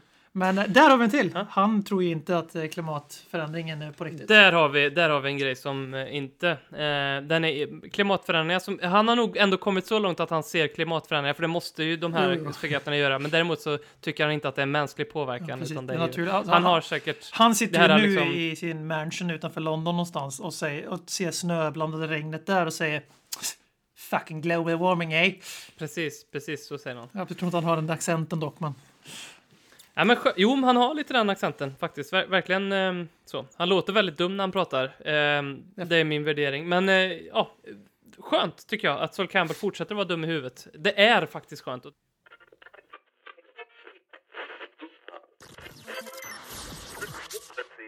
Du lyssnar på Ledley Kings knä. Du kommer aldrig bli dig själv igen. Skönt. Eh, vi måste prata om Danny Rose också. Och det var inte på något sätt någon radioövergång eller association jag fick med dum i huvudet och sådär. För jag gillar Danny Rose. jag med. Ehm, mer nu, ännu mer nu. mm. Han eh, hade en rant på, på Instagram. Ja, inte på grund av det. Det här det vet jag inte vad han har sagt tillräckligt mycket. Så jag står inte bakom det, så jag har hört vad Robin säger. Kör! Han eh, fick ju bland annat frågan eh, om Adebayor och eh, det är sådana saker som Danny Rose gör. Han är så klantig. Han är, han är ju en härlig kille, men han är så klantig för i den här Instagram-liven så säger han, eh, vilket är, ja, han säger att Adebayor is a good guy with too much money. Jag ser inga fel! Jag ser inga fel! har, det kanske han har rätt i, men Adebayor är inte där för att försvara sig heller. Ehm, nu kan ju inte Adebayor försvara sig mot det för han kan väl inte säga varken att han är det ena eller andra. Ehm, men han um, rantade ganska hårt på att ehm, fotbollen skulle eh, ja, tas upp igen. Vilket jag tycker var härligt. Han var en av de första också att eh, faktiskt göra någonting. Ehm, jag vet att alla, alltså Toby Alderweireld köpte iPads liksom. Ja, men snälla någon, ja, vi, vi vet att det var liksom ett mediegrej. Du fick en fråga så du behövde inte göra ett jävla skit. Men Danny Rose köpte pizzor och grejer. Han har gjort fler saker också. Ehm, Gareth Bale du, skänkte 500 000 pund till spansk sjukvård och 500 000, nej 500 000 euro till, eller euro till spansk sjukvård och 500 000 pund till walesisk. Fick skit för att eh, det var mer till, varför, för till walesisk av vissa människor. Man undrar ju, och Danny Rose då, jag, förstår vart du är på väg med alla grejer han gjorde här i corona. Han, han har ju faktiskt gjort saker som kanske betyder mer än varm pizza när du har ett helvetes jobb och gör liksom en enorm tjänst i mänskligheten till stor risk för dig själv, framförallt i början av det här. Eh, där kanske en varm pizza värmer och betyder mer för dig än att du får en jävla iPad som, som jag vet inte fan hur de ens använder dem liksom i, i den här situationen. Även om inte... ja, men det är för att kunna hålla kontakt med sina nära och kära. Och vilket är jättefint, Ja, men... ja, okej, ehm, okej.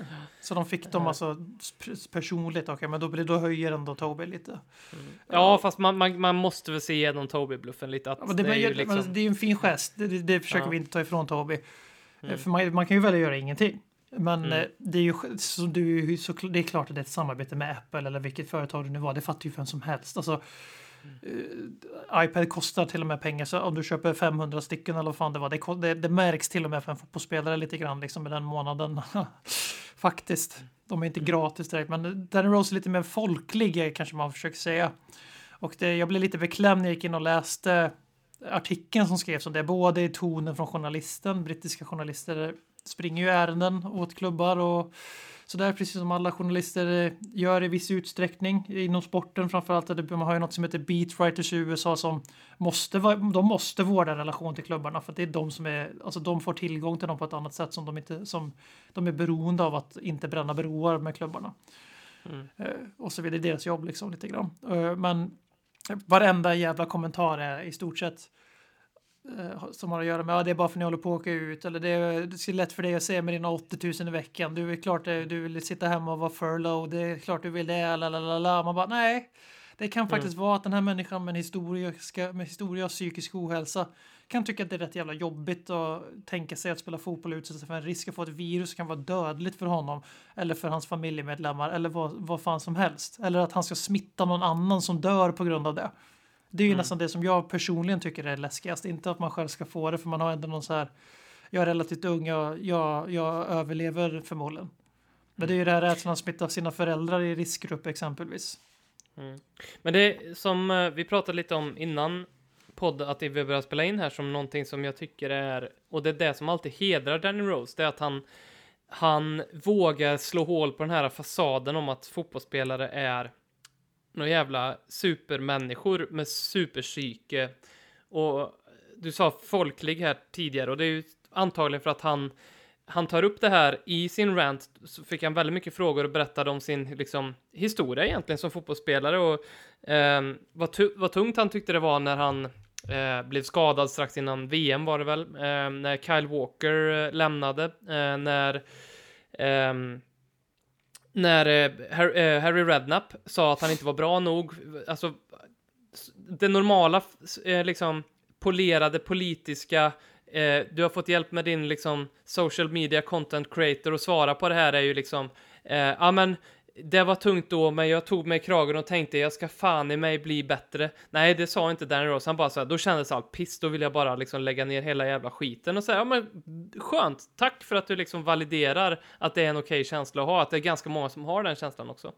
Eh, sen var det ju en period där, vilket är ganska intressant när man ser på det lite mer med i ett större perspektiv och, och, som kan förklara för att Danny Rose var ju verkligen någon som pikade ganska högt och sen så bara försvann helt och hållet. Den, den liksom glimpsarna av den, när vi vann mot Chelsea 5-3 är väl bland det bästa Danny Rose har producerat och just, just i den tids 16, där 15, var ju så... 16, 17 det. Eller? Ja, så fruktansvärt bra. Men då hände det, det var skador, Kyle Walker lämnade, Hans farbror tog livet av sig. Han, det var många saker som gick emot honom och, och, och liksom han förklarade det väldigt jordnära att ja, men det tog på mitt psyke. Jag, var inte, jag är inte en lika bra fotbollsspelare för allt det här har liksom gjort mig, det har, det har drabbat mig liksom. Um, vilket jag tycker är väldigt skönt att han tar upp och validerar. Ja, absolut. Och det behövs ju sådana tider. Alltså jag, vi har rantat färdigt om det liksom, men försök sitta och mässa för er här, men försök att väga in den aspekten. Att det här är människor som blir tvingade, och det är det här, alltså det är det här skon klämmer. De blir tvingade att springa ut och leka för andras underhållning när det kanske inte är säkert att göra det. Alltså, det här är inte en läkare som vägrar komma tillbaka till sitt jobb, som kan rädda liv. Eh, det här är inte någon som ser till att det finns mat i butikerna för alla. Det här är inte människor som ser till att eh, folk utan körkort kan ta sig till jobb, som måste jobba för att ekonomin ska gå runt det är inte ett samhällsbärande yrke när jag försöker säga. Det här är underhållning och då, om spelarna inte vill spela då, då ska de ha rätten att vägra. Och det, då, mm. då läser man, ja bra, de, de, har, de ska ha rätten att inte spela men då ska de inte få någon lön heller. Där kan man ju tycka att det kanske är klubbens beslut att ta.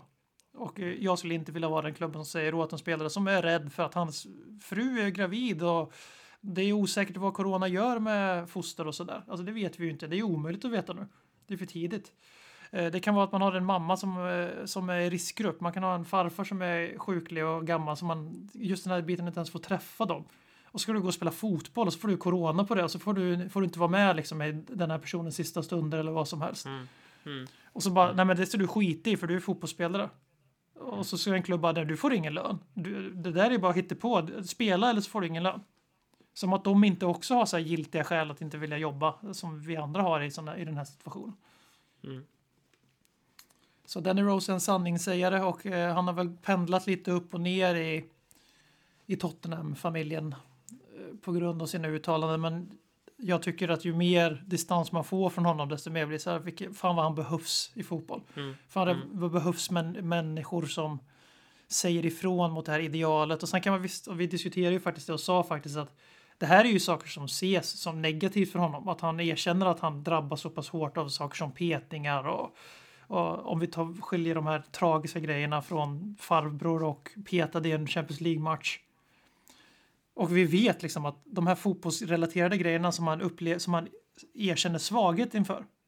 Att det drabbar honom. Han har ju sagt själv att det var ju en klubb som han var på väg att flytta till utomlands. Tolkar jag tror det kan ha varit i Tyskland som i stort sett bara frågade honom om hans mentala hälsa och sen inte hörde av sig igen. Och mm. det är enda anledningen till att han fortfarande tillhör Tottenham. Annars hade han flyttat det sommaren efter, mm. sommaren efter Kyle Walker flyttade.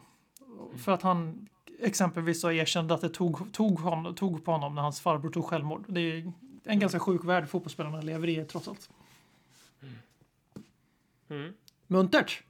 Muntert. Vi ska avsluta lite muntert här nu med eh, en Gladbach. Eh, ligan, den tyska ligan börjar igen nu i helgen och ehm, eh, du, precis som jag och precis som väldigt många, har gjort ett, ehm, eller flera, eh, quiz, eller vad man ska kalla det på nätet, för att ta reda på vilken vilken klubb i Bundesliga man bör hålla på nu när fotbollen kommer igång igen och jag som inte konsumerar så mycket tysk fotboll eh, tyckte att det var otroligt nödvändigt att ha ett sånt quiz så att jag liksom eh, visste vilket lag jag skulle ty mig till och eh, vi fick ju samma lag, eh, du och jag. Eh, Borussia Mönchengladbach.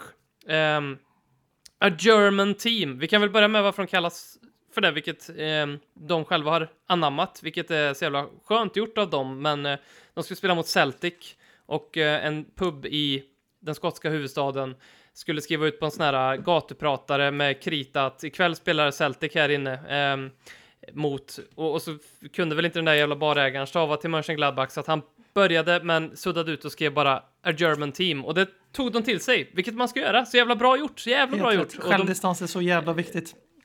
Det är så jävla sexigt på självdistans. Ja. Det är attraktivt. Eh, men, och då... Eh, då tryckte de merch, eh, A German Team, och de, deras ja, men motto nu är lite så, eh, A German Team. Charmigt tycker jag. Bara den saken gjorde plus. Och när jag gjorde det här quizet och låg, det var en solig dag här i Karlstad, jag låg på min veranda, så kände jag en sån otroligt stark tillgivenhet till Borussia Mönchengladbach. Den stunden var så skön för mig när jag kände att jag liknade det vid att ta liksom en till en och en halv, två öl, när det där, när alkoholen börjar susa lite i kroppen, när, när liksom blodet blir lite varmt och man känner sig lite såhär loosey-goosey och god, den där spirande känslan som aldrig kommer tillbaka, alltså man tror ska komma liksom på femte, sjätte ölen, men det gör den ju aldrig. Den känslan hade jag lite grann och jag visste ju där då att ja, men om jag konsumerar Mönchengladbach hela helgen, liksom, så det kommer inte vara samma känsla som jag har nu. Men där och då var det så jävla härligt. Eh, och jag har fortfarande kvar den lite grann. Men du har gjort lite research, eller? Ja, jag researchar lite. Jag tycker ju om att nörda ner mig och det är det jag har märkt lite att det finns en fotbollsabstinens i mig för att jag har spelat mycket mer FM och Fifa till och med för den delen och mm. gräver ner mig, läser på om lag och för att fylla ut tomheten kanske lite grann. Och eh, jag gjorde också det här quizet. De gubbarna jag kanske egentligen på grund av sin, sina fans och framförallt sin politiska ställningstaganden i modern tid i Eintracht Frankfurt var inte med på quizet, vilket jag upptäckte för sent. Eh, annars hade jag ju i princip alltså vägrat att göra quizet såklart. Och jag klickade i det liksom bara, do you care about winning sometimes? Det är inte huvudsyftet med, med idrott för mig att mitt lag ska vinna titlar. Och så klickar man ner sig liksom och så bara fan, man, man, och jag och vad fan Borussia Mönchengladbach, så vad fan det är kul, kul, så det känns lite fräscht, lite spännande, inte Dortmund sån här sektlag liksom, utan det är ett lag som påminner ganska mycket om Spurs. De har hängt på Champions League i år, sex poäng upp på ligatiteln. De gör lite gästspel i Europa, eller förlåt, i Champions League. De har varit med några gånger de senaste åren. Framförallt var det jävligt länge sedan de vann en titel. Mm, 70-talet var ju deras år, 60 var ju vårt, så var ju 70 deras. Mm. Vi har ju haft några efter 60-talet också, men de hade ju ett enormt 70-tal med mm. fem ligatitlar och Europatitlar och där de hade en enorm jävla kraftmätning med Bayern München om vilket som egentligen var Tysklands bästa lag. Och det här är en liten stad i Tyskland relativt sett med typ 250 000 invånare. Eh, lite ruff, alltså lite lantisaktigt. Mm. Och det som verkligen man går igång på som Spurs-supportrar, vi kan bara dra parallellerna. Eh, väldigt, väldigt mycket titlar från historien, väldigt mycket först i landet med saker. Typ de var först att vinna ligan två år i rad tror jag. Mm. Eh, de eh, tvåla dit Arsenal med 3-2. Det tycker vi Tottenham-supportrar om. 3-2 är ett bra gångbart resultat mot Arsenal. Men det var lite... Och de, de tryckte det även på sitt spelarhotell. Mm, det gillar man ju. Det gillar man ju. Ja. Eh, och sen eh, då, de, och de har eh, så här, 2010-talet, två i Champions League. De var sin första Champions League, kanske till och med någonsin. 2013-säsongen tror jag. Och det är ju inte så jävla annorlunda Spurs. Och sen har de varit med en mm. gång efter det och vi har varit med lite fler så. Mm. Eh, de eh, har också en jävligt charmig grej att de har en ganska uttalad filosofi att fotboll ska vara kul. Alltså man ska spela fotboll is about glory helt enkelt. Mm. De har också ett ganska konstigt namn. Borussia betyder ju Preussen eller pressen eller prosen eller vad man vill säga det, prosit. Eh, och Mönchengladbach är ju stadsnamnet då. Och det stavades tydligen München-Gladbach typ förut. Men det tyckte de inte om att det var fritt München så då ändrade de stavningen och då föds ju många, många år senare det här. Det här, gjorde, det här gjorde staden eller? Ja. Mm. Och det, mm. då föds ju många, många år senare a German team på grund av det här obegripliga stavningen. Mm. Och Tottenham Hotspur är inte heller världens lättaste eh, klubbnamn. Alltså Tottenham är ju stadsdel i stort sett, men alltså Hotspur är ju en Shakespeare-karaktär. Så man gillar ju det liksom. Av, alltså det finns många paralleller där och de där dagarna där liksom när Bundesliga kommer och bara nu kör vi, man bara yes äntligen fotboll igen för man börjar tänka hmm. Sitta och titta på en liga man egentligen inte följer jättemycket. Nu konsumerar jag mer fotboll än dig men. Så här, hmm, ingen publik och det är typ Tysklands grej att de har publik. Alltså grym Mm. jävla publik. Att det är typ allsvenskan på speed och heroin och crack och allt sånt där för att de har ju medlemsägda klubbar i Tyskland förutom några få. Mm. Och de har ett jävla tryck och ståplats och pir och allt det där som man älskar. Eh, och så var så, hmm, tar bort publiken. Och så ska Premier League börja, så man kommer hinna se typ fyra Mönchengladbach matcher. Sen är Spurs tillbaka, så kan man ju inte liksom helt plötsligt vara Mönchengladbach. Men jag håller med dig, den där helgen där, den var riktigt vacker och det gick varmt i Parets Pågar. Alla hittade sina nya klubbar och vi höll på att starta världens enda Tottenham Mönchengladbach supporterklubb. För vi kan inte söka så här Mönchengladbach Sverige, för det finns ju redan. Så vi måste ju ha så här Mönchengladbach Sverige Tottenham. Tänkte vi måste starta och ha lite golfturneringar och sådär. Eh, Och eh, det kändes vackert och det kommer vara vackert och de spelar ju faktiskt nu i helgen här mot Eintracht Frankfurt såklart BM-derbyt. Verkligen BM-derby. Och det ska bli otroligt fint att se det här vackra laget och titta på fotboll och sen om... Så vi ger det två matcher Robin och sen så har vi gett upp. Ja, ja, jag, har- jag har redan gett upp. Men eh, jag, jag, jag, alltså, jag känner ändå lite mer för dem än något annat tyskt lag. Så är det. Ja, men det, så det är ju fi- fint nog liksom. Och eh, du har ju, alltså det... Man måste ju vara ärlig alltså, det här var ju en grej och det var kul och det blev ju oralt och så bara, ja, Premier League börjar nu. Ja, det är lite svårt som så här Premier Tog League. udden på det lite. Så Tot- Tottenham på bara, nej men vi, vi, vi skrotar. Men eh, en till kuriosa då för er som kanske inte kopplade det i början här när Robin körde lite pans på hästar. Och det är att våra gubbar i Mönchengladbach kallas ju för Fölen. För att när, Mm. under sin storhetstid så var deras strategi liknades vid att släppa 11, elda, 11 vilda kusar på, ut på, på, på bete och bara köra crazy fotboll offensivt, all full fart jävla framåt. Och kallades den för Fölen Elf, alltså de 11 fölen typ. Eller föl 11. Så det, är, det är ju därför vi, vi, vi, vi gillar ju liksom hästliknelser och offensiv fotboll och att det finns någonting som har med elf att göra. Så det här är Mm. våra gubb, så vi rekommenderar alla som lyssnar på Ledley Kings knä att vara med oss på den här resan, eller mig då. Robin kan vara backseat eh, supporter här. Och så, bara, och så kör vi, så ses vi på Borussia Park 2023 och så, då lovar BM att efter jag och Robin har tagit runt det på Borussia Park, bott på hotellet som ligger precis bredvid arenan, lite plastigt va, men även om det var fint inrett. Mm. Klubbens egna hotell alltså som man kan Man vill ju helst bo på något darrigt jävla Ja, man vill ju inte bo i ett hotell som är liksom inkonfererat med arena och så. Man, vi gör så bara för enkelhets skull.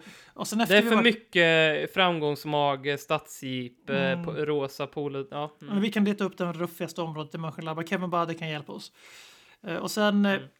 sen efter vi har gått på match på Borussia Park så att de tvålar dit den där jävla Köln, för de tycker vi inte alls om.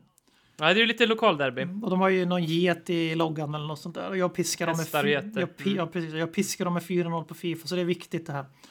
Mm. Eh, Och sen efter vi har sett dem tvåla dit Köln och eh, druckit många Weissbier, eller Robin har druckit många Weissbier och jag släpar med med honom. Då ska vi gå på Borussia förlåt, Mönchengladbachs näst mest sevärda plats enligt Tripadvisor. Robin, du kan få hur många gissningar du vill här. Du kommer aldrig lista ut det. Men jag vet ju vad det är. Ja, jag vet. Men eh, första är ju alltså Borussia Park, fotbollsarenan. Mm. Det andra är vad jag kan läsa mig till, alltså i Mönchengladbachs Things to do, som på våran Ledley Kings Tottenham Borussia Mönchengladbach Sweden. Ni får själva slå ihop eh, förkortningen på det. Det kommer flaggor på shoppen snart. Absolut. Eh, Då ska vi gå från Borussia Park med en Weissbier var i handen och sen så ska vi, och en currywurst och sen ska vi gå till ett Star Wars museum där allting verkar vara i lego. För det är vad man gör. Stars of the Galaxy. Det är vad man gör i Mönchengladbach. Man går på fotboll, drick, äter korv, dricker öl och sen går man och kollar på Star Wars i lego. Alltså det Allting handlar om att ha kul i Mönchengladbach. verkligen. Så Och haka här på. finns ju, alltså nu griper jag efter halmstrån. Det finns en Tottenham-koppling som är uppenbar. Det är Keenan Bennett, våran Jadon Sancho, som lämnade Tottenham för, för eh, Borussia Mönchengladbach. Jag vet inte fan, det har gått sådär för honom. Han ju ganska startman mål. på mitt FN dock. Ja, ganska bra målfacit också, två matcher, ett mål, så att eh, det kan ju finnas någonting där. Men eh, Star Wars är ju, ja, eh, Phantom of the, alltså Tottenham går in på, precis, så det finns ju en koppling också som vi tycker om. Så att, Eh, mm, Och eh, sen vi utmanar faktiskt era läsare. Jag har lyssnat på en hel del poddar under, min- under min karantän och ganska många poddar ber sina lyssnare att göra ganska mycket åt dem. Eh, Mm. Vi på vår höjd ger uppmanande frågor. Så här, ställ frågor, men Stefan inga frågor om det här för det orkar vi inte med riktigt. Det får ni göra i andra Mm. poddar.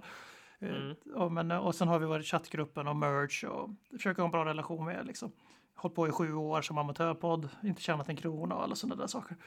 Men eh, mm. Sätt dig upp, sätt dig på hästen, ja. Mm, Mm, fortsätt. det var mer, du vet, hästföljderna. var- Men eh, Mm. det, nu vill vi faktiskt ha er hjälp här, framförallt Jesper och, och några till i PP.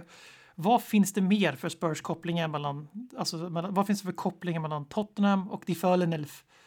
Mm. Eh, De, vi måste ha dem. för vi, vi behöver ju förbereda ett quiz och en, van, en, ran, en rundtur i Mönchengladbach för mig och Robin 2023 där när vi ska ta med er på Tottenham, Borussia Mönchengladbach, Swedens Supporters Club och våran första resa. Ser fram emot golfturneringen också vi kommer ha i Mönchengladbach. Eh, måste vi lära oss spela golf också. Eh, men det finns ju inget trevligare än att spela golf i homogena grupper. Så att, eh, se fram emot det. Vi ska avsluta med, vi har ju, vad ska jag säga så här, att vi har ju bett om lyssnarfrågor och samtalsämnen som har byggt mycket av den här podden. Jag hoppas, Jag kommer inte, jag hoppas de vi fattar kommer inte- att vi älskar våra lyssnare. Ja, absolut. Ja, ja, hur, hur mycket som helst. Eh, vi kommer inte hinna med några av frågorna. Bland annat en, en bra fråga som vi får pausa som handlar om att ta ut en sympatisk elva. Det får bli en, en, en ny podd från, från Mille. Eh, men vi kan väl avsluta med den här. Eh, jag vill ha din input på, jag och Jimmy pratade om det här lite grann förra veckan. Snuddar vi, inte i det här perspektivet, men Niklas i Paris Pågar Um, hur skulle vår relation till Spurs se ut om vi får in nya ägare som är lika smutsigare eller smutsigare än kronprinsen som eventuellt ska, ska ta över eh, Newcastle? Och det här är ganska intressant för det här är ju min akilleshäl. För jag har ju en Tottenham-tatuering.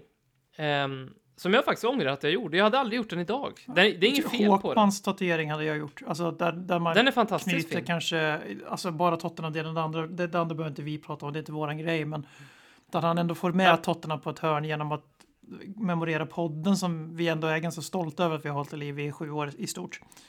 Så det skulle Ja, jag men kunna det- tänka mig, men klubbmärket är fan shady på grund av det du kommer Nej, säga nu.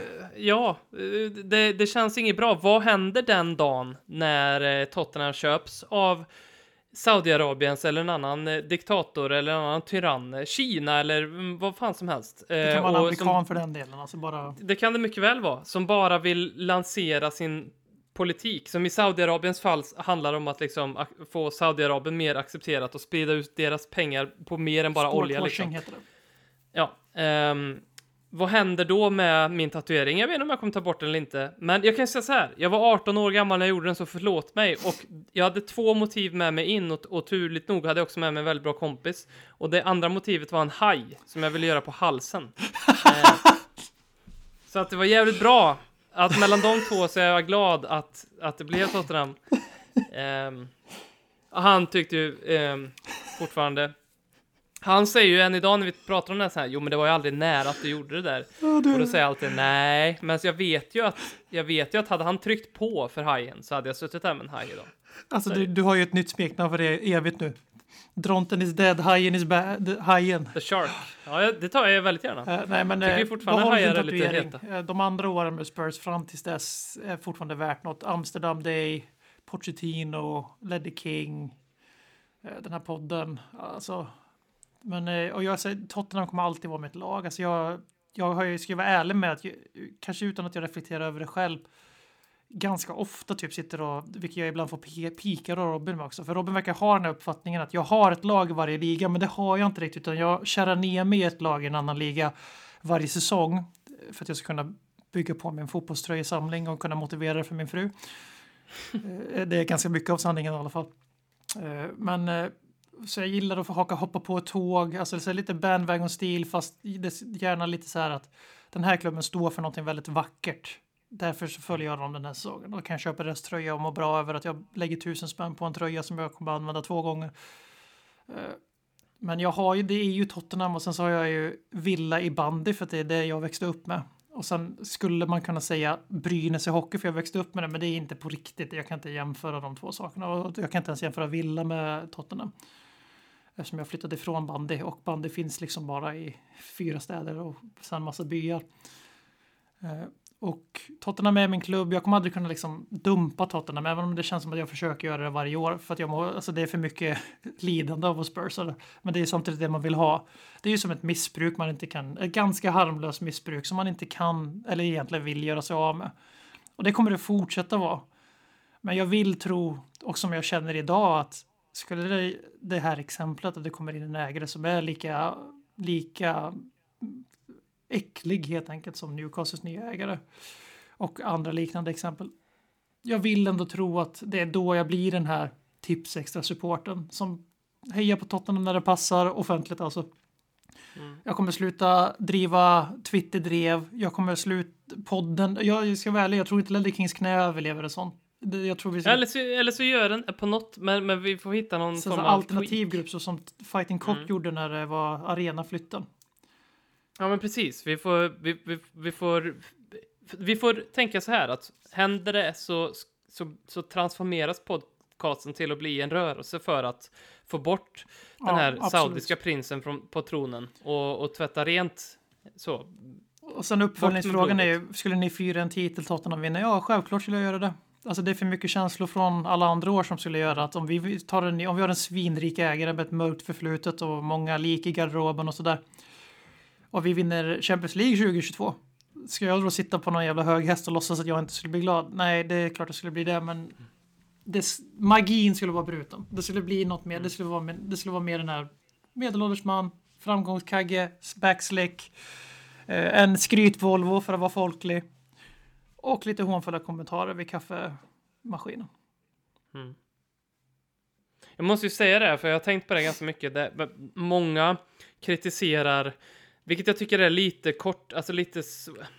Många kritiserar FA för att inte man går in och bryter den här affären, men då måste man ju förstå att FA, alltså hur ska FA kunna göra det? Eh, visst. De äger ju inte klubben till att börja med liksom. Så det... de, de äger inte klubben så att de måste få köpa den. Och sen så kommer den här saudiska prinsen, vilket är redan det han gör. Alltså, en sak hade varit om det var liksom Saudiarabien som de facto köpte klubben, men så är det ju inte, utan det är ju ett bolag som i sin tur ja. eh, kanske inte ens har eh, liksom Saudiarabisk koppling mer än att pengarna kommer dit. De kanske till och med har ett huvudkontor i, i England och enda liksom, operativa verksamhet. Det vet man ju inte um, hur de kommer lägga upp det. Men, men det är så, och, och, hur ska FA då kunna gå in och stoppa det? Nej, men vänta lite nu. Längst bak i ledet så pumpas det här in i, från Saudiarabien. Alltså det kommer inte FA kunna göra någonting åt, tyvärr. Nej, för då måste um, de ju lägga ner City, avveckla City eh, till att börja med. Ja, och precis, det är Chelsea, exakt Chelsea samma sak hårfint. Nej, det är inte alls hårt. Chelsea skulle de behöva avveckla också.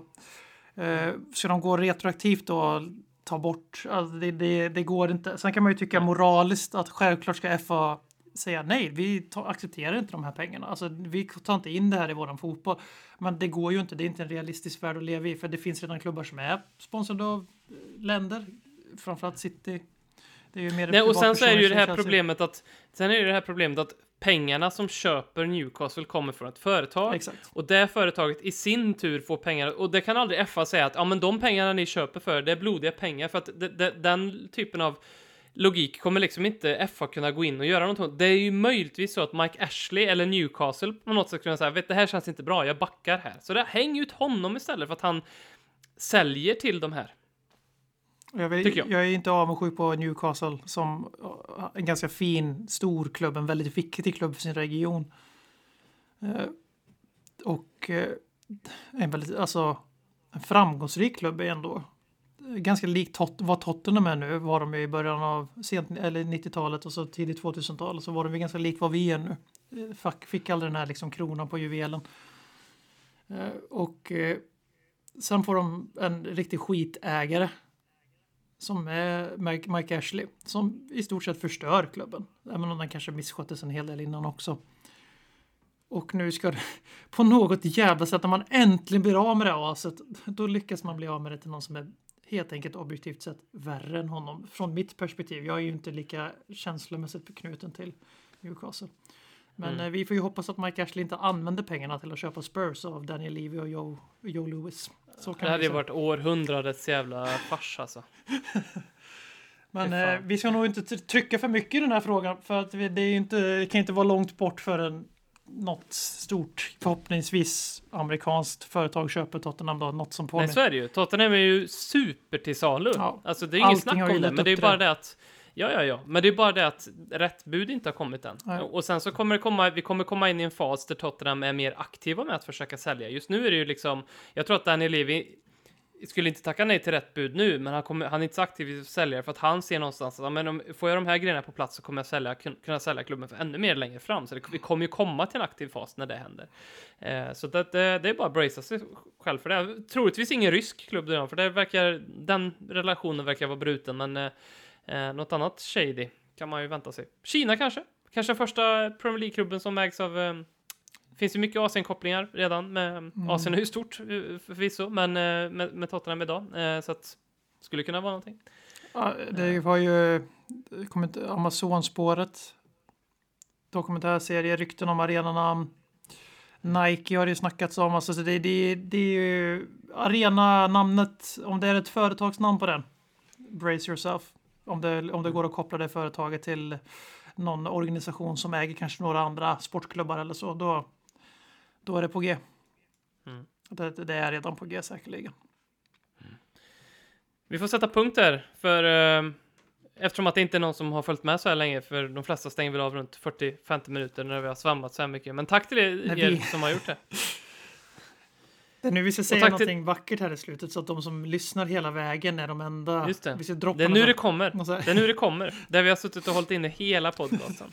det världens grej bara. Vi kommer från och med omgång 30 i Premier League sitta med i Viasat-studion.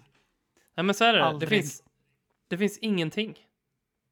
It's all a big nothing. Det är ingenting. Det är det ni har, ni har väntat en och en halv timme för nu och få höra på. Ingenting finns. Så, gå tillbaka till era liv. Så. Konsekvent, inkonsekvent. Det bästa som någonsin hänt. Du kommer aldrig bli